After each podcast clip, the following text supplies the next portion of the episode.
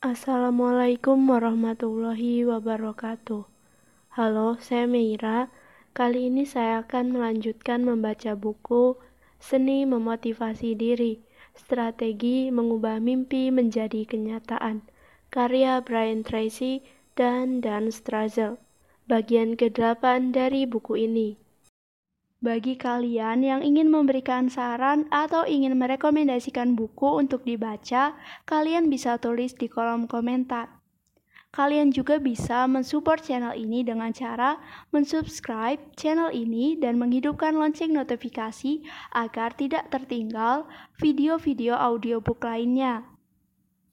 Dan bisa juga dengan cara like dan share video ini agar banyak orang yang bisa mendengarkan audiobook ini dan bisa mendapatkan banyak manfaat dari channel ini.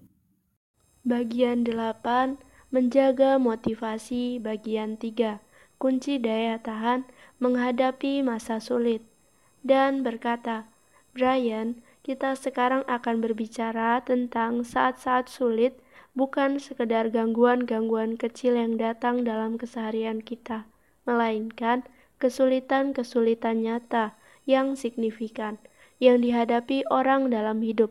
Menurut Anda, bagaimana caranya agar kita bisa menjaga motivasi pada saat menghadapi sesuatu yang mungkin bisa mengeluarkan kita dari jalur yang sedang kita lalui, jika kita tidak memiliki persiapan untuk menghadapinya?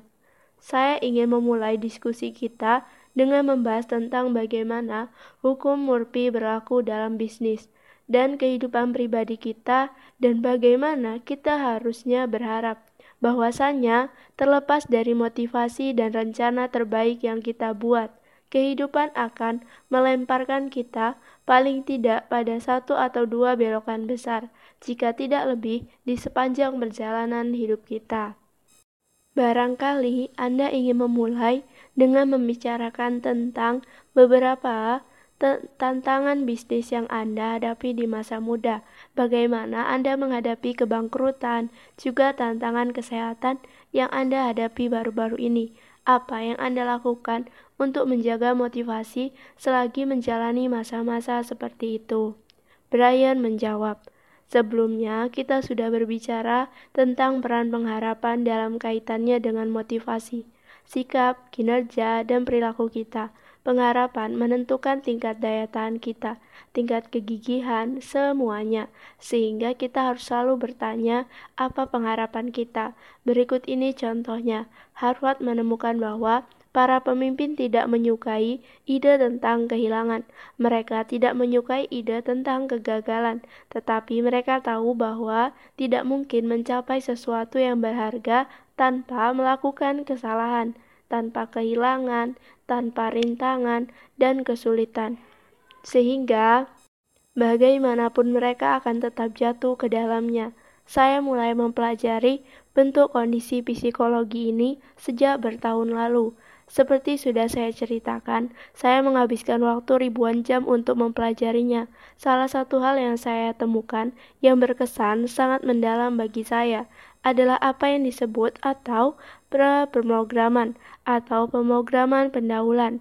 Kita bisa melakukan pemrograman pendahuluan pada pikiran bawah sadar jauh sebelum sesuatu terjadi, sehingga Ketika sesuatu peristiwa terjadi, kita sudah siap. Seperti saya katakan, sama dengan ketika kita mengambil kursus pertolongan pertama jauh sebelum terjadinya kecelakaan, sehingga ketika kecelakaan terjadi, kita sudah siap.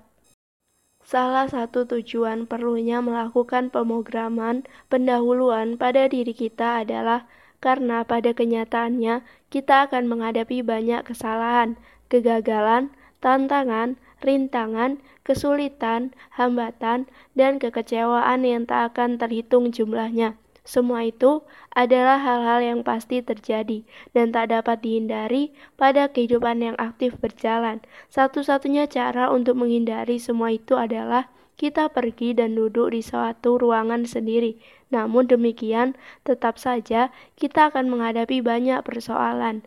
Maka katakan, aku akan menghadapi segala jenis persoalan dan kesulitan dalam hidup. Tetapi aku tidak akan pernah membiarkan hal itu melemahkanku. Apa pun yang terjadi, aku akan bangkit kembali. Aku akan menemukan cara untuk melalui atau menghadapinya. Aku akan mencobanya lagi atau mencoba sesuatu yang berbeda. Katakan hal itu pada diri kita.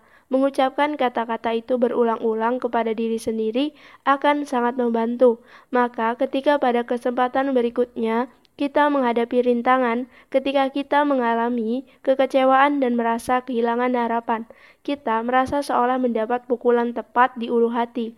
Kita merasa bingung, kecewa, dan terguncang, dan satu-satunya pertanyaan yang kita pikirkan adalah berapa lama kita akan berada dalam keadaan ini. Semua orang akan mengalami guncangan kekecewaan ketika sesuatu yang diharapkannya berjalan dengan baik ternyata berjalan sebaliknya.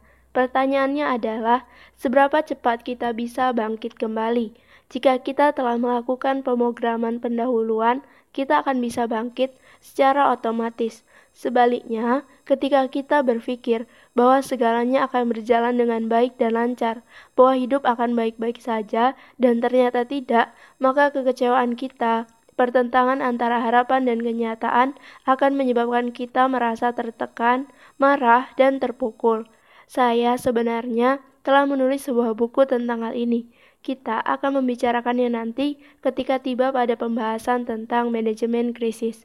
Pada saat saya berbicara di berbagai perusahaan di dunia dalam kelas-kelas bisnis saya, banyak yang meminta saya memasukkan satu atau dua jam modul tentang manajemen krisis, antisipasi krisis, berpikir tentang krisis, tentang apa yang bisa kita lakukan untuk bisa berpikir dengan jernih dan efektif, serta memperoleh hasil yang lebih baik dalam kondisi krisis apa pun dalam keberlangsungan bisnis kita. Persoalan kritisnya ada pada jarak antara harapan dan kenyataan jika kita berpikir bahwa kehidupan akan sulit, bahwa kita akan menghadapi banyak rintangan dan kesulitan yang tidak diharapkan, tetapi kita tidak akan membiarkan semua itu melemahkan kita. Maka, ketika kesulitan itu datang, kita tidak akan lemah, kita akan bangkit kembali secara otomatis. Dan berkata, luar biasa, luar biasa. Jadi, ada dua pola pikir berbeda dalam menghadapi rintangan. Yang pertama berasal dari buku M. Scott Peck yang terkenal The Road Less Traveled yang dimulai dengan pernyataan provokatif. Hidup memang sulit. Pada saat kita bisa memahami dan menerima hal ini, maka di satu saat kita bisa maka di satu sisi hidup tidak lagi terasa sulit karena kita siap menghadapi apa pun yang menghalangi jalan kita. Pola pikir lain lebih merupakan sebuah pendekatan era baru, atau mungkin berasal dari semacam pendekatan the power of positive thinking, yaitu membingkai ulang, reframing sesuatu situasi dengan mengatakan bahwa kehidupan sesungguhnya tidak sesulit itu. Ketika kita berpikir seperti itu, hidup benar-benar menjadi tak sesulit itu. Semuanya hanya soal pola pikir. Jika kita memandangnya sebagai kesulitan, maka memang akan menjadi masalah. Ubahlah pola pikir kita pada pendekatan yang lebih memandang hidup itu mudah, hidup itu mengalir. Jadi, ada dua pendekatan yang berbeda. Pertama, menghadapi kesulitan dan menerimanya. Kedua, menggunakan pikiran kita untuk senam mental jika kita mau. Saya ingin tahu pendekatan mana yang lebih Anda sukai dan mengapa Anda pikir yang satu lebih baik dibanding yang lain. Brian menjawab, Menurut pendapat saya pribadi, sebenarnya keduanya positif. Tetapi mari kita kembali pada pernyataan Anda sebelumnya tentang hukum Murphy. Hukum Murphy adalah hukum aneh yang menyatakan bahwa sesuatu yang memiliki potensi salah biasanya akan benar-benar salah. Konsekuensi pertama dari hukum Murphy adalah bahwa sesuatu yang memiliki potensi salah biasanya akan benar-benar salah dan akan menghabiskan uang paling banyak. Konsekuensi kedua adalah sesuatu yang memiliki potensi salah biasanya akan benar-benar salah dan akan menyita waktu paling banyak. Karena hukum Smith menyatakan bahwa Murphy adalah seorang yang optimis. Saya bekerja dengan ribuan pemilik bisnis dan saya memberi mereka aturan dua dan tiga. Semua yang direncanakan dalam bisnis pada akhirnya akan memerlukan biaya dua kali lipat dan akan membutuhkan waktu tiga kali lipat. Terutama ketika kita sedang memulai sebuah bisnis dan sedang berusaha mencapai titik impas, break even, yaitu titik di mana setelah itu kita akan bisa memperoleh keuntungan di atas biaya yang harus dikeluarkan. Meski kita memiliki otak bisnis yang baik, pada akhirnya akan diperlukan waktu dua kali lipat dibanding kalkulasi terbaik kita dan akan diperlukan biaya tiga kali lipat atau sebaliknya. Pola selalu mengikuti aturan 3 dan 2, 2 dan 3. Orang-orang yang memulai bisnis menemui saya kembali.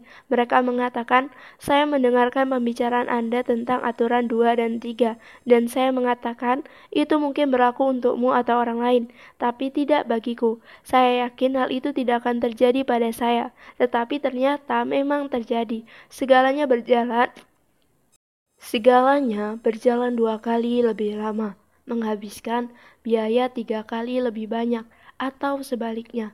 Maka, masukkan resiko ini ke dalam kalkulasi Anda dengan melakukan hal ini ketika kita menemukan harapan terbaik kita tidak tercapai kita tidak merasa kecewa atau hancur, karena dalam pikiran terdalam kita, kita mengatakan, "Aku sudah memperkirakan hal ini akan terjadi." Kita bisa memprogram diri kita sedemikian sehingga ketika sesuatu terjadi, tidak sesuai harapan, kita bisa berdiri tegak di atasnya sebagai seseorang yang tangguh dan tidak membiarkan persoalan itu membuat kita jatuh.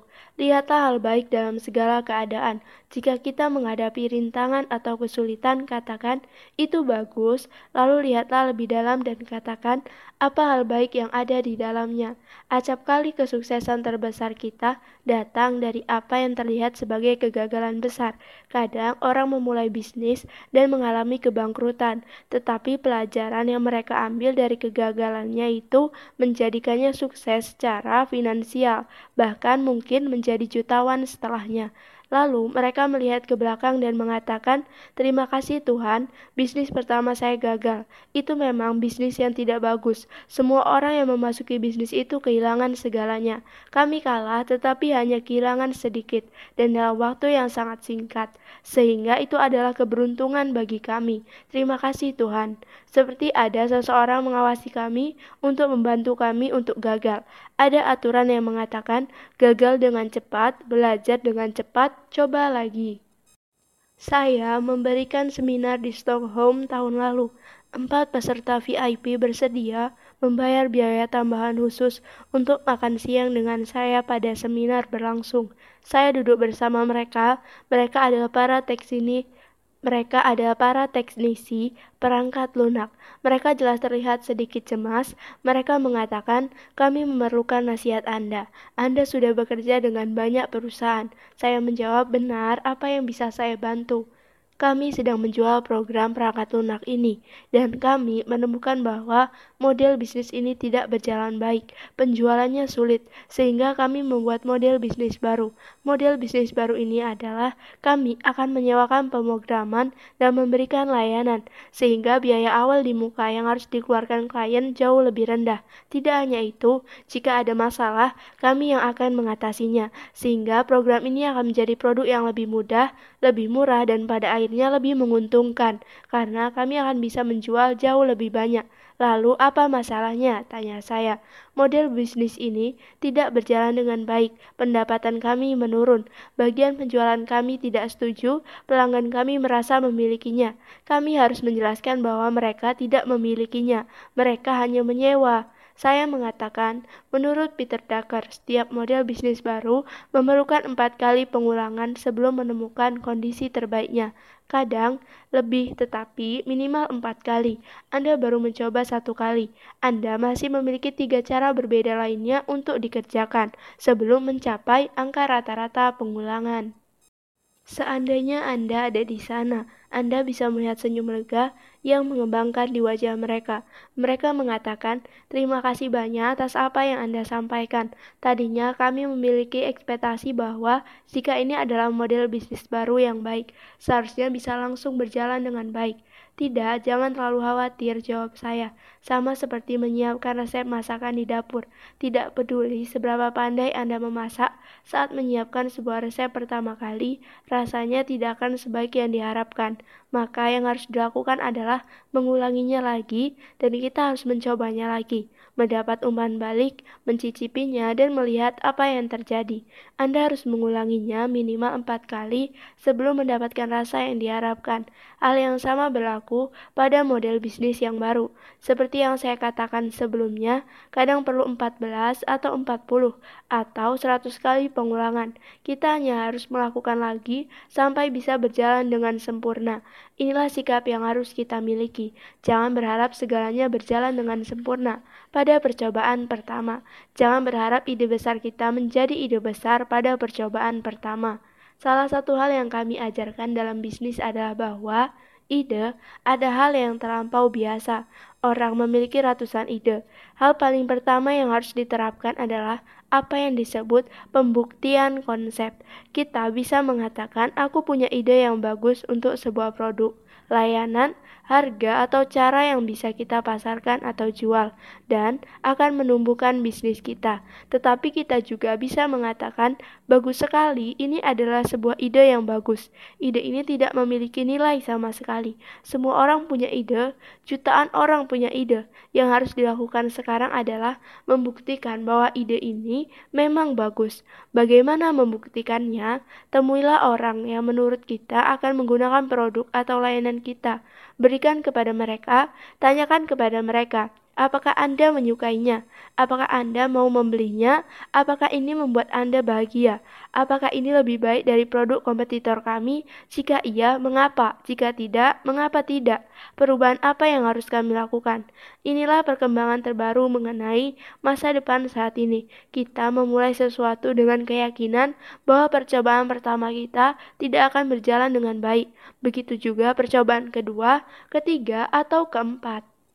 Ketika saya mulai bekerja di bidang penjualan, ketika saya berusia 23 dan mengetuk dari pintu ke pintu, saya menjual sesuatu yang bukan kebutuhan pokok, sesuatu seharga 20 dolar, yaitu menjual keanggotaan di sebuah klub bonus berupa kartu kecil mirip kartu kredit yang jika dibawa ke salah satu dari 100 lebih restoran, pemiliknya akan pemiliknya akan memperoleh diskon makan malam sebesar 10% atau 20%. Pemilik kartu ini bisa menghemat banyak uang. Seseorang pembisnis bisa makan dengan beberapa kolega bisnisnya atau dengan keluarganya dengan kartu ini. Ia bisa melakukan lebih dari sekedar penghematan. Saya pikir ini pekerjaan menjual yang mudah. Dengan membayar 20 dolar, pemilik kartu ini bisa menggunakannya tanpa batas selama satu tahun. Pemiliknya bisa menghemat ratusan dolar. Penghematannya sangat besar. Seperti layaknya tenaga penjual muda, saya berpikir semua orang tentunya ingin memiliki kartu ini. Yang harus saya lakukan hanya menunjukkan kartunya dan menceritakan manfaatnya, dan orang-orang akan berebut mengambil kartu ini dari tangan saya. Maka saya pergi dan mulai mengetuk dari pintu ke pintu. Tetapi semua orang mengatakan tidak, tidak, saya tidak memerlukannya, tidak, saya tidak memiliki uang untuk itu, saya belum menginginkannya, saya mungkin tidak akan pernah pergi ke salah satu restoran itu. Semua orang memiliki alasannya sendiri-sendiri, dan semua orang mengatakan tidak atau versi lain dari kata tidak. Saya mendatangi pintu demi pintu, jam demi jam, pintu demi pintu, sampai akhirnya seseorang mengatakan, "Ini adalah sesuatu yang sangat normal. Ketika Anda memulai, Anda akan mendapat sejumlah besar penolakan. Yang harus Anda lakukan adalah Anda harus mendapatkan lebih banyak penolakan." Anda harus memahami bahwa penjualan adalah perkara kegagalan, bukan perkara keberhasilan, perkara penolakan, perkara peluang. Tugas kita adalah untuk gagal lebih banyak. Maka, saya melakukan panggilan demi panggilan telepon. Saya mendatangi kantor demi kantor, dan ketika saya Ketika saya memprospek di lingkungan tetangga, saya mendatangi rumah demi rumah. Saya mendatangi satu tempat demi satu tempat lain. seperti berlari, seperti seorang pesuruh, sehingga saya bisa memperoleh lebih banyak penolakan. Saya terus melakukan ini sampai akhirnya saya menemukan metode penjualan yang berhasil, dan dalam satu hari penjualan saya mencapai tiga kali lipat. Tetapi saya terus dan terus melakukan promosi, menyadari bahwa ini bukan perkara menjual, ini perkara kegagalan. Kita akan mengalami kegagalan berkali-kali sebelum meraih sukses. Jika kita berhasil memiliki sikap itu, tidak ada yang bisa menghentikan kita. Ketika mengejar orang-orang penjualan, saya mengatakan, jika Anda ingin karir penjualan Anda atau tenaga penjualan perusahaan Anda benar-benar aktif, buatlah sebuah konteks di buatlah sebuah kontes di mana kami menyebutnya kontes 100 kunjungan. Semua orang membuat komitmen untuk melakukan 100 kunjungan secepat mungkin tanpa mencemaskan apakah kunjungan ini akan menghasilkan penjualan atau tidak. Kunjungan pada kenyataannya adalah berbicara dengan prospek, baik melalui telepon maupun tatap muka. Siapa pun yang pertama kali berhasil melakukan 100 kunjungan, perusahaan akan memberi dia dan pasangannya bonus untuk makan di restoran terbaik di kotanya.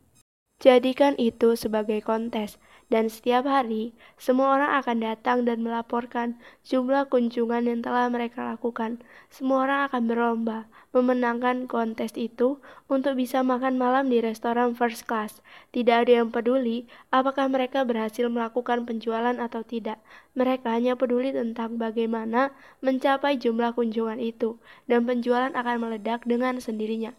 Dan, wow, lalu Brian menjawab, saya ingat pernah bekerja sama dengan suatu perusahaan yang menerapkan metode ini. Perusahaan ini bergerak di bidang pemasaran melalui telepon. Mereka menerapkan sistem seperti ini. Orang pertama yang bisa memperoleh 10 penolakan pada pagi hari sejak memulai pekerjaan hari itu akan mendapat bayaran makan siang dari perusahaan. Maka semua bersiap seperti kuda yang berbaris di depan gerbang. Semua orang siap dengan teleponnya. Setelah semua siap, pada pukul 8.30 seseorang akan memberi aba-aba, mulai. Semua orang mulai memutar telepon, memutar lagi, sampai seseorang berdiri dan membunyikan bel. Seseorang yang telah melakukan 10 panggilan dan memperoleh 10 penolakan lebih cepat dari yang lainnya. Kemudian yang lain akan berpaling pada temannya dan saling berbicara. Apa yang terjadi? Aku menelpon seseorang dan ia ingin membelinya. Aku perlu waktu untuk menangani pemesanan dan mengurus pembayarannya. Aku juga akan membuat dua penjualan. Aku tidak berhasil mendapat 10 penolakan karena semua orang ingin membeli. Setiap kali sebuah perusahaan menggunakan sistem ini, mereka sangat terkejut. Pertama-tama semua orang menelpon dengan disertai tawa, sehingga orang di ujung telepon mendengar tawa mereka. Orang-orang ini menelpon dengan perasaan positif, dan bahagia karena mereka tidak peduli apakah orang akan membeli atau tidak. Mereka hanya ingin melakukan panggilan telepon ini. Orang-orang di ujung telepon akan mengatakan, "Tolong beri penjelasan lebih banyak mengenai produk ini. Sepertinya bagus sekali. Saya sedang mencari yang seperti ini. Berapa harganya? Bagaimana cara membelinya?" Dan mereka mulai mendapatkan penjualan demi penjualan. Pemilik perusahaan ini pensiun sebagai jutawan besar enam tahun kemudian pada usia 50. Ia pindah ke Palm Springs dan bermain golf setiap hari. Ia mengatakan ia tidak pernah menghasilkan begitu banyak uang di sepanjang hidupnya, seperti ketika orang-orang penjualannya tidak peduli lagi pada penolakan. Dan berkata, luar biasa sekali, metode ini mirip dengan apa yang disebut exposure therapy atau terapi paparan, yaitu ketika kita memaparkan diri kita pada hal-hal yang kita pikir kita takuti. Anda tadi berbicara tentang pola pikir daya tahan, yaitu kemampuan untuk menghadapi ketakutan. Apakah ada kualitas spesifik lain yang menonjol yang Anda lihat ada pada orang yang memiliki daya tahan? Brian menjawab, saya menyiapkan sebuah program mengenai manajemen krisis beberapa tahun lalu selama masa krisis pada 2001. Saya memperbarui programnya pada 2006, 2007, dan sekarang saya menjadi pembicara di negara-negara di seluruh dunia yang sedang mengalami krisis dramatis. Banyak orang meminta saya, buatlah materi pembicaraan mengenai krisis. Maka saya menemukan ide terbaik yang saya miliki. Salah satunya, saya satu-satunya orang yang pernah menulis buku mengenai bahasan ini. Buku itu saya berjudul Crunch Point, The 21 Secret Decoding When I Met When It Matter Most berisi 21 rahasia untuk sukses ketika menghadapi keadaan terburuk. Rahasia pertama adalah ketika sesuatu yang tidak diharapkan terjadi. Bersikap tenanglah, bersikap tenanglah. Selama bertahun-tahun saya bekerja sebagai konsultan dan penasihat dan bahkan saya bisa mengatakan saya berteman dengan beberapa orang yang sangat kaya termasuk para multi-multi jutawan dan miliuner. Saya juga bekerja bersama mereka pada saat perusahaan mereka mengalami tantangan atau krisis besar. Sebagian mengalami hal yang sangat serius, sebagian mengalami hal yang benar-benar di luar pemikiran. Saya memperhatikan mereka, saya memperhatikan bagaimana mereka menanganinya. Kalau saya jadi mereka, mungkin saya akan menjadi emosional dan marah kepada diri sendiri karena saya sangat peduli kepada klien-klien saya. Saya memperhatikan mereka dan mereka bersikap tenang-tenang saja. Semua orang puncak yang pernah saya jumpai selalu bersikap sangat tenang di tengah situasi krisis. Mengapa demikian? Semua kegiatan proses berpikir manusia berlangsung pada neokortex, yaitu korteks bagian depan pada otak. Inilah yang membedakan manusia dengan makhluk lainnya. Bagian ini berlangsung proses berpikir, menganalisis, membandingkan, kemudian memutuskan sesuatu. Selama kita bersikap tenang, korteks bagian depan ini akan berfungsi secara penuh. Bagian ini akan aktif, bagian ini akan berfungsi, tetapi ketika kita berada dalam kondisi marah atau emosional, bagian ini akan meredup dan tidak berfungsi dengan baik, seperti lampu yang dimatikan. Dalam keadaan demikian, fungsi berpikir kita akan beralih ke sistem limbik yang akan memunculkan pilihan hadapi atau lari. Pilihan ini distimulisasi oleh emosi kita, rasa marah, ketakutan, kritikan, rasa bersalah.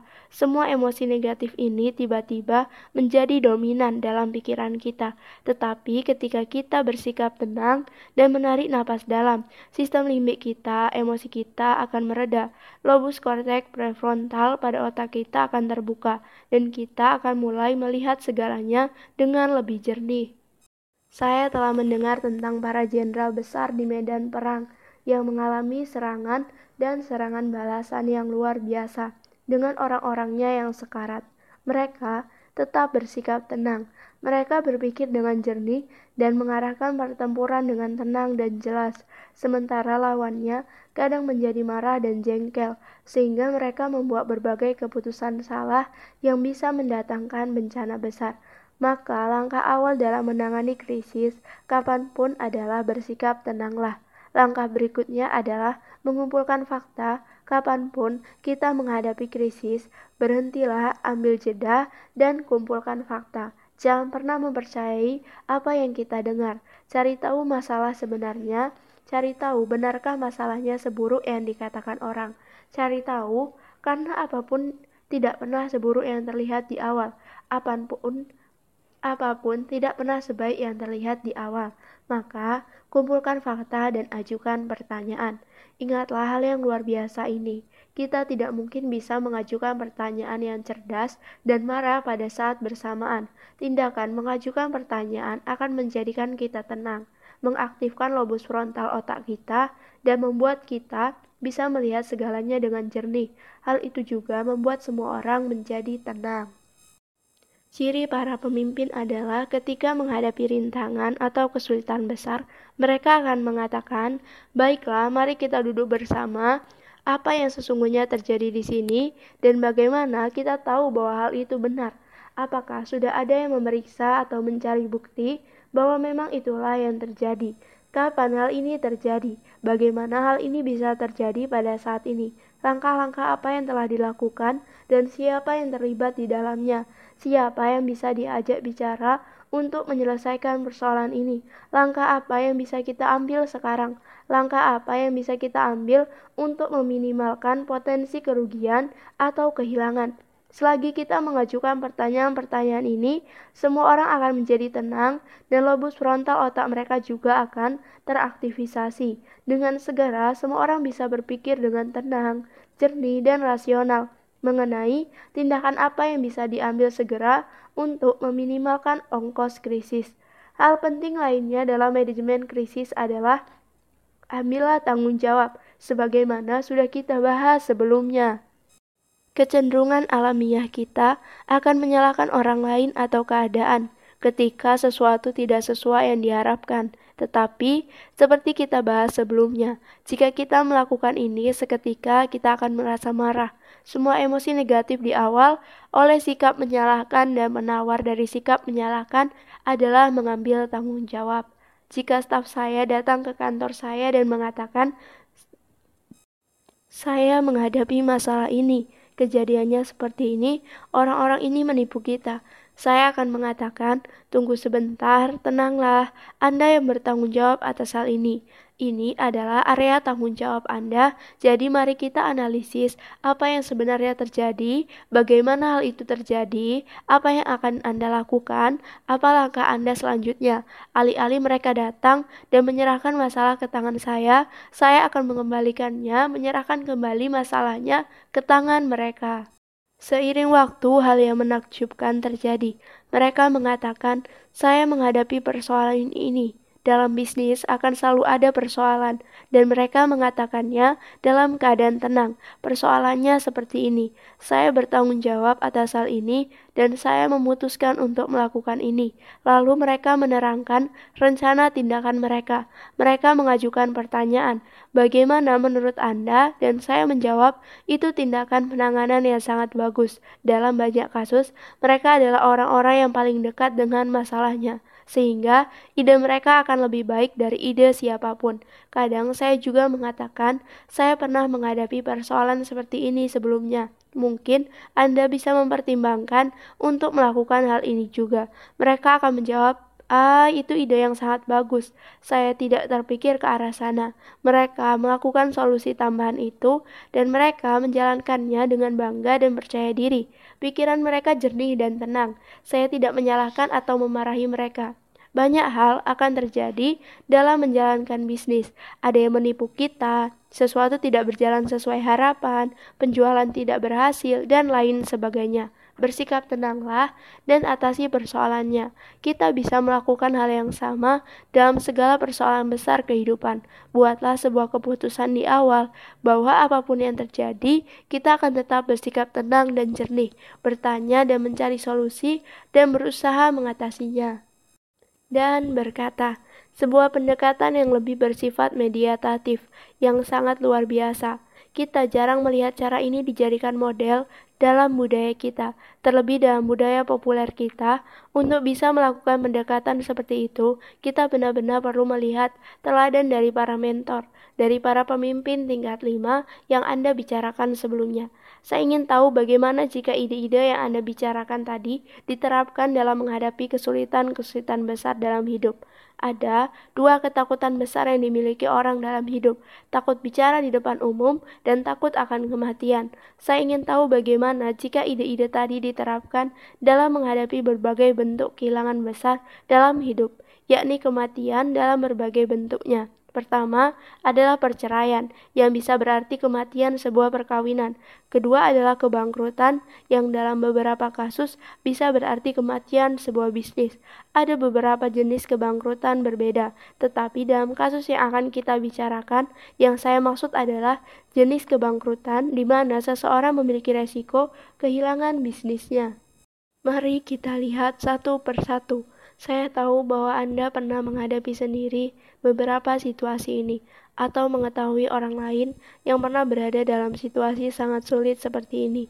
Bagaimana mereka secara spesifik mengatasi situasi-situasi seperti ini untuk dapat bangkit kembali. Strategi-strategi apa yang mungkin spesifik terhadap beberapa keadaan ini? Brian, mari kita bahas tentang perceraian atau berakhirnya sebuah hubungan. Peristiwa ini bisa jadi luar biasa emosional dan traumatik. Dalam sebagian kasus, ada pasangan yang bisa traumatik bisa menyepakati secara perpisahan baik-baik, tetapi dalam banyak kasus, segalanya bisa berjalan dengan sangat buruk. Pengacara hukum itu ikut dilibatkan dan mereka biasanya ingin agar pasangan yang bercerai bersengketa selama mungkin agar mereka bisa mendapatkan sebanyak mungkin bayaran. Satu hal yang tidak disadari orang-orang adalah bahwa pengacara mendapat bayaran per jam. Ketika kita mendatangi pengacara dengan membawa suatu persoalan, Tujuan sang pengacara adalah membuat penyelesaian persoalan ini berjalan selama mungkin. Mereka akan menyiapkan berbagai keterangan saksi, melakukan berbagai riset, dan melakukan berbagai tindakan lanjutan. Begitu juga ketika Anda mendatangi pengacara perceraian. Pekerjaan pengacara perceraian adalah membuat Anda semakin marah kepada pasangan sehingga dibutuhkan waktu penyelesaian lebih lama. Mereka akan membawa Anda ke satu titik di mana Anda akan semakin melebih-lebihkan segala hal buruk yang terjadi dan betapa tidak dapat dibenarkannya hal itu. Betapa Anda berhak atas ganti rugi dan kompensasi yang besar dan seterusnya. Berhati-hatilah akan hal ini. Poin terpentingnya adalah sebagai berikut. Ketika dua orang menyepakati untuk sebuah hubungan, mereka menyepakatinya dengan maksud terbaik. Banyak hubungan tidak berlangsung sesuai harapan karena orang berubah dan berkembang selama menjalani masa hubungan. Sebagian besar perceraian berlangsung pada akhir usia 20-an. Kebanyakan orang menikah pada usia awal 20-an, di mana dalam dekade ini kemudian mereka mengalami periode perubahan karakter paling cepat dan paling dramatik dalam hidup mereka. Pada akhir dekade itu, mereka bukan lagi orang yang sama dengan orang yang menyepakati pernikahan pada awal dekade itu. Lalu mereka menemukan bahwa mereka tidak lagi sesuai satu sama lain, dan uji kesesuaian paling baik yang bisa dilakukan adalah seberapa banyak mereka bisa tertawa bersama. Hal pertama yang hilang dalam sebuah hubungan adalah tertawa. Hubungan seksual sesungguhnya adalah hal yang hilang paling belakangan. Orang bisa pergi ke sidang perceraian dan masih tidur bersama, atau kadang tidur bersama. Hal yang paling hilang paling akhir adalah hubungan seksual, tetapi hal yang hilang paling pertama adalah humor. Mereka tidak lagi menikmati keberadaan satu sama lain. Mereka menghabiskan kebersamaan dalam diam. Kita bisa melihatnya di televisi. Kadang kita melihat pasangan yang pergi makan malam bersama. Mereka duduk bersama, tapi tidak berbicara satu sama lain. Mereka saling memalingkan muka.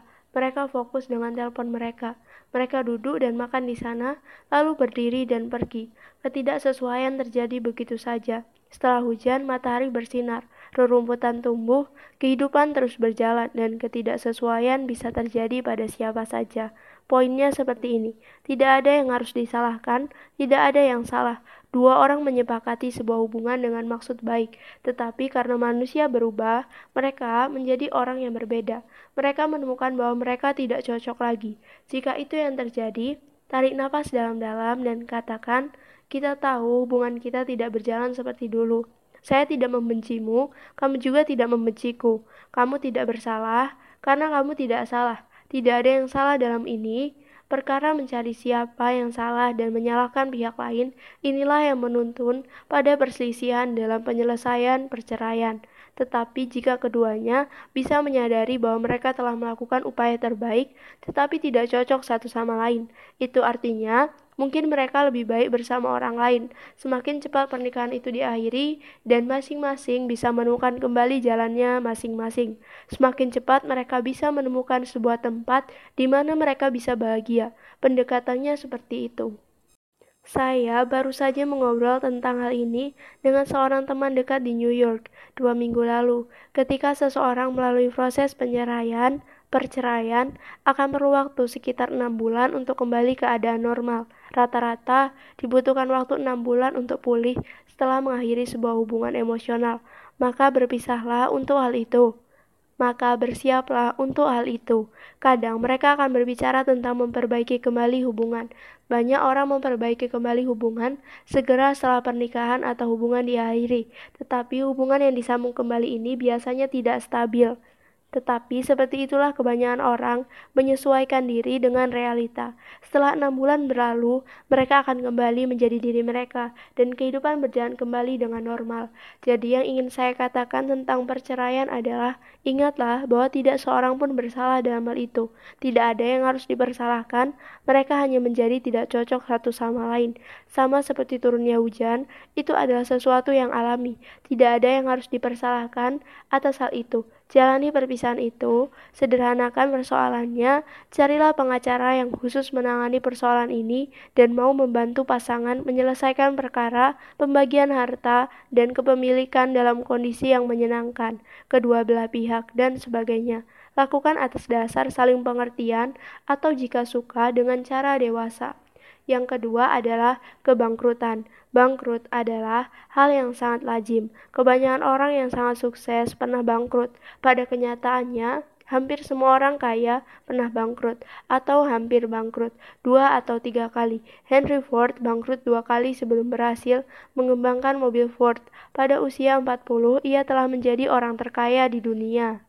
Bangkrut itu menyakitkan, maka yang harus kita lakukan adalah pertama-tama menjalaninya, jalani sebaik yang kita bisa. Dan ingatlah bahwa hidup masih sangat panjang. Jangan pernah lakukan atau katakan apa pun dalam penyelesaian perceraian atau kebangkrutan, bahwa kita tidak ingin menerima keadaan ini. Jangan katakan hal-hal negatif kepada orang lain. Saya mengatakan kepada teman saya, kamu akan menjalani perceraian. Jangan pernah katakan hal negatif tentang pasanganmu. Jangan pernah katakan hal negatif tentang pasanganmu kepada anak-anakmu. Jangan pernah katakan hal negatif tentang pasanganmu kepada teman-temanmu. Selalu ucapkan kata-kata ini. Ia adalah orang yang sangat baik, tetapi kami merasa kami tidak sesuai satu sama lain. Hanya itu yang harus kita katakan. Meski di dalam hati kita marah dan kecewa, dalam perkara kebangkrutan, kita tahu reputasi kita adalah hal terpenting yang kita miliki dalam hidup. Reputasi kita mengenai bagaimana kita menangani uang sangatlah penting. Maka, jika Anda mengalami kebangkrutan, perlakukan semua orang dengan cara terbaik yang bisa Anda upayakan. Jangan menuntut, jangan menuduh, jangan marah. Bersikaplah sebagai orang dewasa. Mungkin Anda merasa seperti ditampar. Anda merasa sangat menyesalinya. Anda sudah melakukan apa pun yang bisa dilakukan. Mungkin Anda mulai bisnis ketika belum memiliki cukup pengalaman.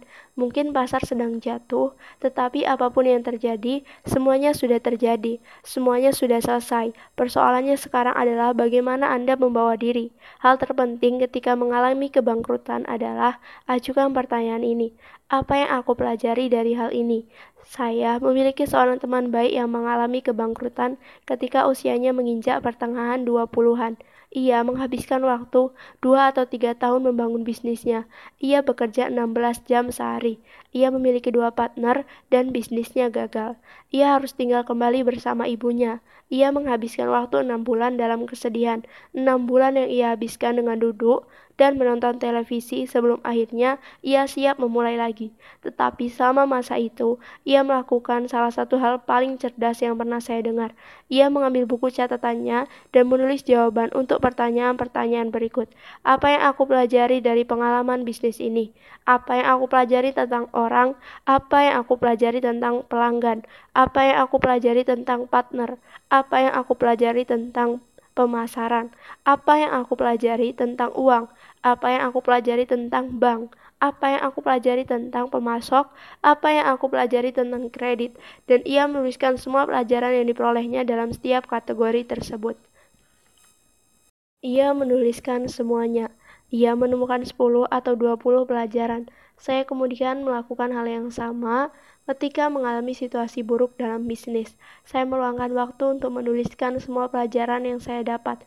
Ketika kita menuliskan pelajaran yang bisa kita ambil tersebut, peluang kita untuk mengalami kembali masalah tersebut menjadi 10 kali lebih kecil. Karena dengan menuliskan pelajaran itu, kita sedang memprogramnya ke dalam pikiran bawah sadar kita. Maka ketika kita melihat situasi serupa, pikiran bawah sadar kita akan langsung memberi peringatan. Ingat, kita pernah mengalami hal ini. Kita bisa melihatnya, lalu mengajukan pertanyaan, dan kita bisa menyelamatkan diri. Maka, setelah selama sekitar enam bulan, ia menuliskan semua pelajaran dan mengetahui apa yang telah ia lakukan dengan benar dan apa yang seharusnya ia lakukan dengan cara yang berbeda. Ia mulai bisnis lain. Dalam beberapa tahun, ia menjadi seorang jutawan besar. Ia mengatakan, mengidentifikasi semua kesalahan saya dari kebangkrutan yang saya alami, membuat saya kaya. Bisnis ini memang tidak akan pernah sukses meski dalam jangka panjang, tetapi karena bisnis ini gagal, saya sekarang menjadi kaya dalam bisnis lain. Selanjutnya, kita bicara tentang kehilangan pekerjaan. Salah satu aturan dalam hal ini, kehilangan pekerjaan adalah cara Tuhan memberitahu bahwa kita Cara Tuhan memberitahu kita bahwa kita berada pada posisi yang salah sejak awal. Diberhentikan dari pekerjaan adalah cara Tuhan memberitahu kita bahwa kita sebaiknya tidak memiliki pekerjaan tersebut. Maka, ketika kehilangan pekerjaan, kita harus menganggapnya sebagai berkah. Peter Drucker memiliki poin menarik terkait hal ini. Ia mengatakan bahwa mempertahankan seseorang yang tidak kompeten dalam pekerjaannya ada hal paling kejam yang dilakukan seseorang. Ia mengatakan bahwa jika seseorang tidak memiliki masa depan dalam pekerjaannya dan kita telah menilainya demikian, maka biarkan ia meninggalkan pekerjaannya secepat mungkin. Bebaskan orang itu agar ia bisa mencari pekerjaan yang lebih sesuai untuknya. Banyak manajer menganggap dirinya bermaksud berbelas kasih dengan mempertahankan seseorang yang jelas-jelas tidak kompeten dalam pekerjaannya. Saya katakan tidak, itu perbuatan pengecut. Anda tidak sedang berbelas kasih. Anda sedang berlaku kejam dan menyakiti orang ini. Anda menjauhkan mereka dari kehidupan sesungguhnya. Karena ketika mereka akhirnya harus meninggalkan pekerjaan itu, yang pasti tidak bisa mereka hindari, maka mereka harus memulai lagi segalanya dari awal. Hal paling baik dan paling penuh kasih sayang yang bisa Anda lakukan pada pekerjaan yang tidak kompeten adalah membebaskan mereka sehingga mereka bisa mencari tempat yang sesuai bagi mereka. Saya sudah mengatakan hal ini kepada jutaan manajer di seluruh dunia selama bertahun-tahun. Mata mereka bersinar ketika saya mengatakan hal ini. Mereka menyadari, ya alasan saya mempertahankan orang itu pada posisinya adalah karena saya tidak ingin melukai mereka atau keluarga mereka. Tetapi, tindakan para manajer ini justru membunuh mereka. Para manajer ini sedang merampas sesuatu yang paling berharga di dunia, yaitu kehidupan mereka dengan menghalangi mereka memasuki kompetisi, mendudukkan mereka di bangku cadangan untuk sebuah pertandingan yang tidak pernah akan bisa mereka menangkan. Biarkan mereka bebas, biarkan mereka pergi dengan bebas, bantu mereka, beri mereka dukungan, beri mereka uang pesangon, beri mereka imbalan atas semua yang pernah mereka berikan, tetapi biarkan mereka bebas. Saya mengatakan kepada para manajer, hal yang paling menakjubkan yang akan terjadi adalah bahwa orang tersebut akan pergi ke perusahaan lain dan memperoleh pekerjaan lain yang akan menjadikannya seseorang yang sangat sukses. Pada saatnya, Anda akan mengatakan, "Saya memberhentikan orang itu dua tahun lalu, tapi lihatlah, sekarang ia menjadi wakil presiden di sebuah perusahaan high-tech yang berkembang dengan pesat." Ya, tentu saja, tetapi ia bukan orang yang tepat untuk pekerjaan di perusahaan Anda. Area keempat adalah kehilangan pasangan atau anak. Ini juga merupakan area yang traumatik, hampir sama dengan kasus perceraian, butuh waktu enam bulan atau untuk dapat pulih dari efek traumatiknya. Hal paling penting yang harus diperhatikan adalah jangan salahkan diri sendiri atas apa pun yang terjadi. Jangan katakan, "Seandainya aku melakukan ini atau itu," atau Seharusnya aku meluangkan lebih banyak waktu bersamanya dan sebagainya. Jangan menyakiti diri sendiri ketika salah seorang anggota keluarga meninggal, karena ketika mereka meninggal semuanya selesai, semuanya berakhir. Katakanlah perlu waktu enam bulan untuk pulih. Banyak orang butuh waktu enam bulan atau enam tahun, banyak orang tidak pernah pulih. Mereka tidak bisa melepaskan kesedihan yang selalu memenuhi kepala mereka. Itu bukan sikap yang baik. Terimalah bahwa hal itu telah terjadi. Berdoalah jika mau, berjalan-jalanlah, ambil liburan, rileks, bacalah beberapa bahan bacaan spiritual, dan beri diri Anda waktu untuk menyembunyikan diri, seperti mengalami luka pada anggota tubuh. Butuh waktu untuk pulih, tetapi kata-kata paling indah yang akan selalu berlaku untuk semua orang di sepanjang waktu dan dalam segala keadaan adalah semuanya akan berlalu. Ucapkan kata-kata itu, semuanya akan berlalu. Memang sangat menyakitkan, sungguh menyakitkan. Anda kecewa, Anda punya segudang pengandaian, tetapi semua ini akan berlalu. Yang terakhir adalah diagnosis yang mengancam hidup, seperti kanker atau penyakit jantung. Pada 2010, saya pergi ke dokter karena pilek dan hidung saya ingusan. Pileknya sudah beberapa minggu, jadi saya pikir saya perlu antibiotik untuk penisilin untuk meredakannya. Saya masuk ke ruangannya dan dokter melakukan analisis. Brian katanya, saya akan memberi Anda antibiotik, tapi saya kira Anda tidak terkena pilek atau infeksi.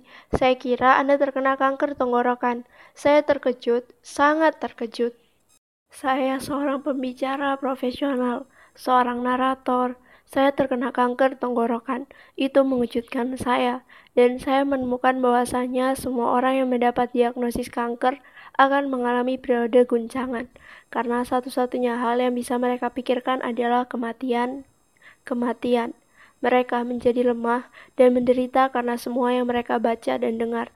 Saya berjalan keluar dalam kondisi kebingungan. Saya sedang melakukan wawancara terhadap dua klien potensi potensial minggu ini melalui telepon untuk membicarakan berbagai kesepakatan. Saya begitu tegang dan marah. Saya setengah berteriak di telepon ketika berbicara dengan mereka. Keduanya mengatakan, kami tidak ingin orang ini dekat-dekat dengan orang kami. Itu pertama kalinya saya mengalami hal demikian. Setelahnya, saya bisa melihat bahwa saya terlalu cemas dengan diagnosis itu. Saya benar-benar perlu menenangkan diri. Lalu saya mengikuti nasihat yang pernah saya berikan Pertama, bersikap tenang. Kedua, kumpulkan fakta. Saya mulai melakukan sejumlah riset. Saya membaca lebih dari 30 buku tentang kanker. Saya membuka berbagai situs jejaring. Saya membuka semua halaman pada situs jejaring kesehatan WebMD, semua situs jejaring dokter, dan segalanya terkait tipe kanker yang saya derita. Saya mendapatkan semua informasi yang bisa didapat. Saya menemukan bahwa saya terkena kanker tipe 1 level 1. Saya memiliki melanoma di tenggorokan. Level 4 artinya segalanya berakhir. Siapkan bunga untuk pemakaman Anda. Level 3 adalah kesempatan terakhir, sehingga Anda harus bisa sembuh. Saya berada di level 1 sampai level 2. Dokter saya menerangkan standar perawatan yang harus dijalani. Mereka mengatakan, Pertama-tama, kami akan melakukan uji biopsi untuk memastikan apakah memang ada kanker dan kanker jenis apa. Kedua, kami akan melakukan kemoterapi yang akan menyusutkan area yang terkena kanker. Ketiga, kami akan melakukan pembedahan untuk mengambil semua bagian yang mengandung sel kanker yang bisa ditemukan.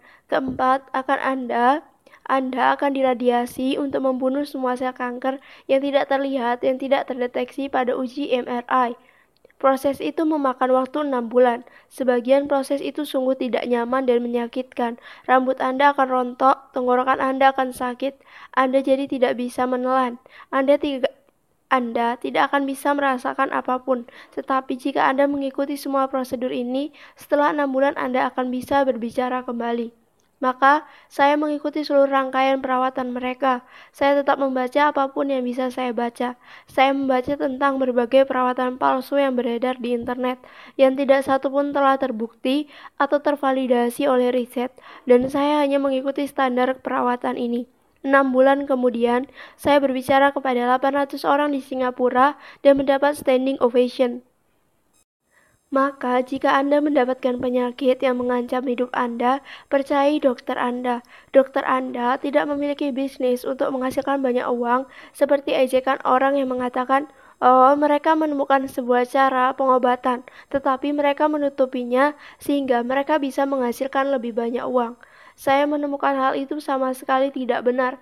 Orang-orang yang berada di bidang penanganan kanker khususnya telah mendedikasikan hidup mereka untuk menyelamatkan orang dan untuk memperpanjang masa hidup banyak orang. Sama halnya dengan penyakit jantung. Dalam setiap kategori bidang, selalu ada orang yang mendedikasikan hidup mereka untuk membantu pasien mereka sembuh dan hidup lebih lama.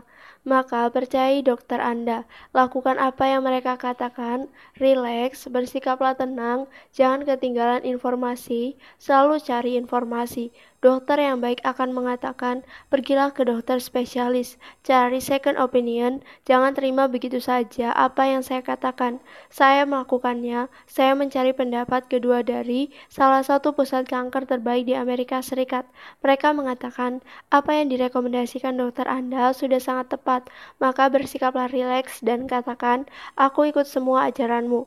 Enam bulan kemudian saya bisa berbicara lagi. Maka hal kritisnya di sini lagi-lagi bersikap tetaplah tenang, kumpulkan fakta, lakukan tindakan apa pun yang bisa dilakukan, lakukan penyesuaian. Seperti slogan Mary Necrops yang menyatakan, ubah, sesuaikan, dan terapkan. Kapan pun Anda menghadapi keadaan darurat, lakukan sedikit perubahan, sesuaikan, dan terapkan. Lakukan tindakan apa pun yang bisa dilakukan, tetapi di atas semuanya bersikaplah tenang dan berkata, Brian, saya ingin bertanya lagi, jika hanya ada satu hal yang harus Anda katakan kepada orang-orang tentang apa yang harus dilakukan ketika menghadapi kesulitan dalam hidup, apakah itu?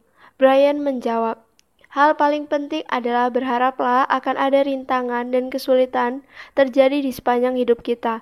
Salah satu bahasan yang saya ajarkan, yang telah saya pelajari secara meluruh, selama paling tidak 30 tahun. Saya sebut antipasi krisis. Dalam antipasi krisis, kita meluangkan waktu untuk berpikir, apa hal terburuk yang mungkin terjadi padaku dalam bagian-bagian hidupku yang berbeda. Gunakan aturan 3%.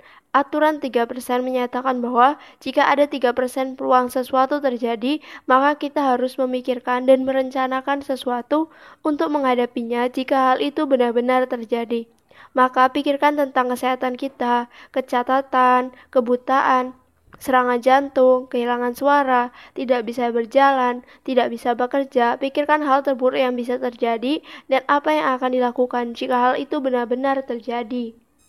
Pertama-tama, praktikan kebiasaan hidup sehat. Lakukan segala hal yang bisa dilakukan, tetapi buat juga perencanaan, asuransi, tabungan, asuransi kecacatan, apa pun, sehingga jika sesuatu terjadi, hal itu tidak akan menghancurkan kondisi keluarga. Buat perencanaan sebelumnya, tanda dari orang unggul adalah melakukan perencanaan di awal dan melakukan antisipasi terhadap krisis. Dalam urusan bisnis, hal terburuk apa yang bisa terjadi? Kebangkrutan. Jika demikian, langkah pertama apa yang bisa diambil untuk memastikan bahwa kita terlindungi dari hal itu? Atau apakah kita punya penangkal utamanya? Tingkatkan cadangan kas. Ini adalah salah satu hal yang disampaikan dalam semua buku bisnis. Ketika bisnis kita mulai tumbuh, lakukan segala kerja keras yang bisa dilakukan dan tingkatkan dana kas cadangan. Pikirkan bahwa Anda bahwa akan ada masa-masa penurunan dramatik. Pikirkan bahwa akan ada krisis atau hal lain yang akan terjadi. Jangan habiskan semua uang yang dimiliki dan berakhir dengan akun bank kosong ketika menghadapi krisis. Ketika berpikir tentang keluarga kita, hal terburuk apa yang bisa terjadi? Belilah asuransi, belilah sabuk pengaman untuk anak-anak kita. Belilah sabuk pengaman terbaik sehingga jika hal buruk terjadi, jika mobil berterbenturan, anak kita akan aman. Kita memiliki seseorang teman yang istrinya suatu saat berbicara di telepon untuk waktu yang cukup lama. Ia terus berbicara setelah setengah jam. Setelah menutup telepon, ia mencari anaknya, tetapi ia telah membiarkan pintu ke halaman belakang terbuka, di mana terdapat kolam renang. Di atas jasusi, mereka terdapat selembar plastik dan anak kecil ini yang usianya dua tahun berjalan di sisi kolam. Di sisi kolam, anak ini melangkah ke atas lembaran plastik dan tersedot ke bawah dan tidak dapat bergerak. Anak ini tenggelam ke dasar jasusi.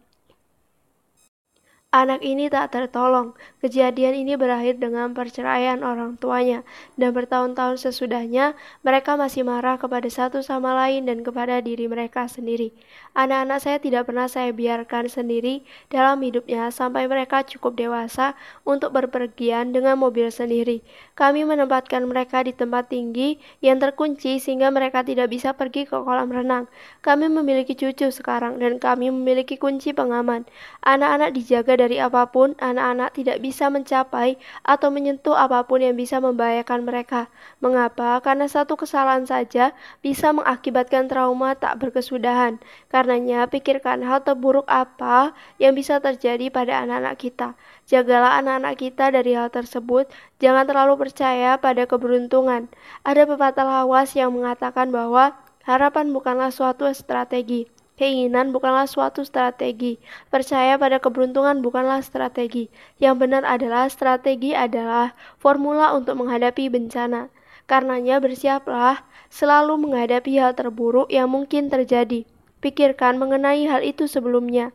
Ambil langkah-langkah yang diperlukan sebelum segalanya terlanjur. Kita sedang melakukan perjalanan. Kita harus sampai di tujuan. Saya seorang pembicara profesional. Jangan pernah mengambil penerbangan terakhir untuk pidato yang akan dilakukan keesokan hari. Karena apa yang akan terjadi jika penerbangan terakhir dibatalkan atau tiba-tiba ada kendala tiba-tiba ada kendala mekanik. Kita bisa kehilangan seluruh pembicara, waktu penyelenggara acara jadi terbuang percuma, sementara kita hanya bisa duduk di suatu tempat dan tidak bisa berangkat. Maka ambillah selalu satu atau dua penerbangan sebelum penerbangan terakhir. Datanglah selalu lebih cepat daripada terlambat. Jangan pernah mengerjakan sesuatu terlalu mendekati batas akhir. Kita akan selalu butuh waktu tambahan. Orang pintar tidak akan terlalu percaya pada keberuntungan. Selalu katakan, apa hal terburuk yang bisa terjadi, dan jika hal itu memang terjadi, bagaimana aku menghadapinya atau meminimalkan atau meminimalkan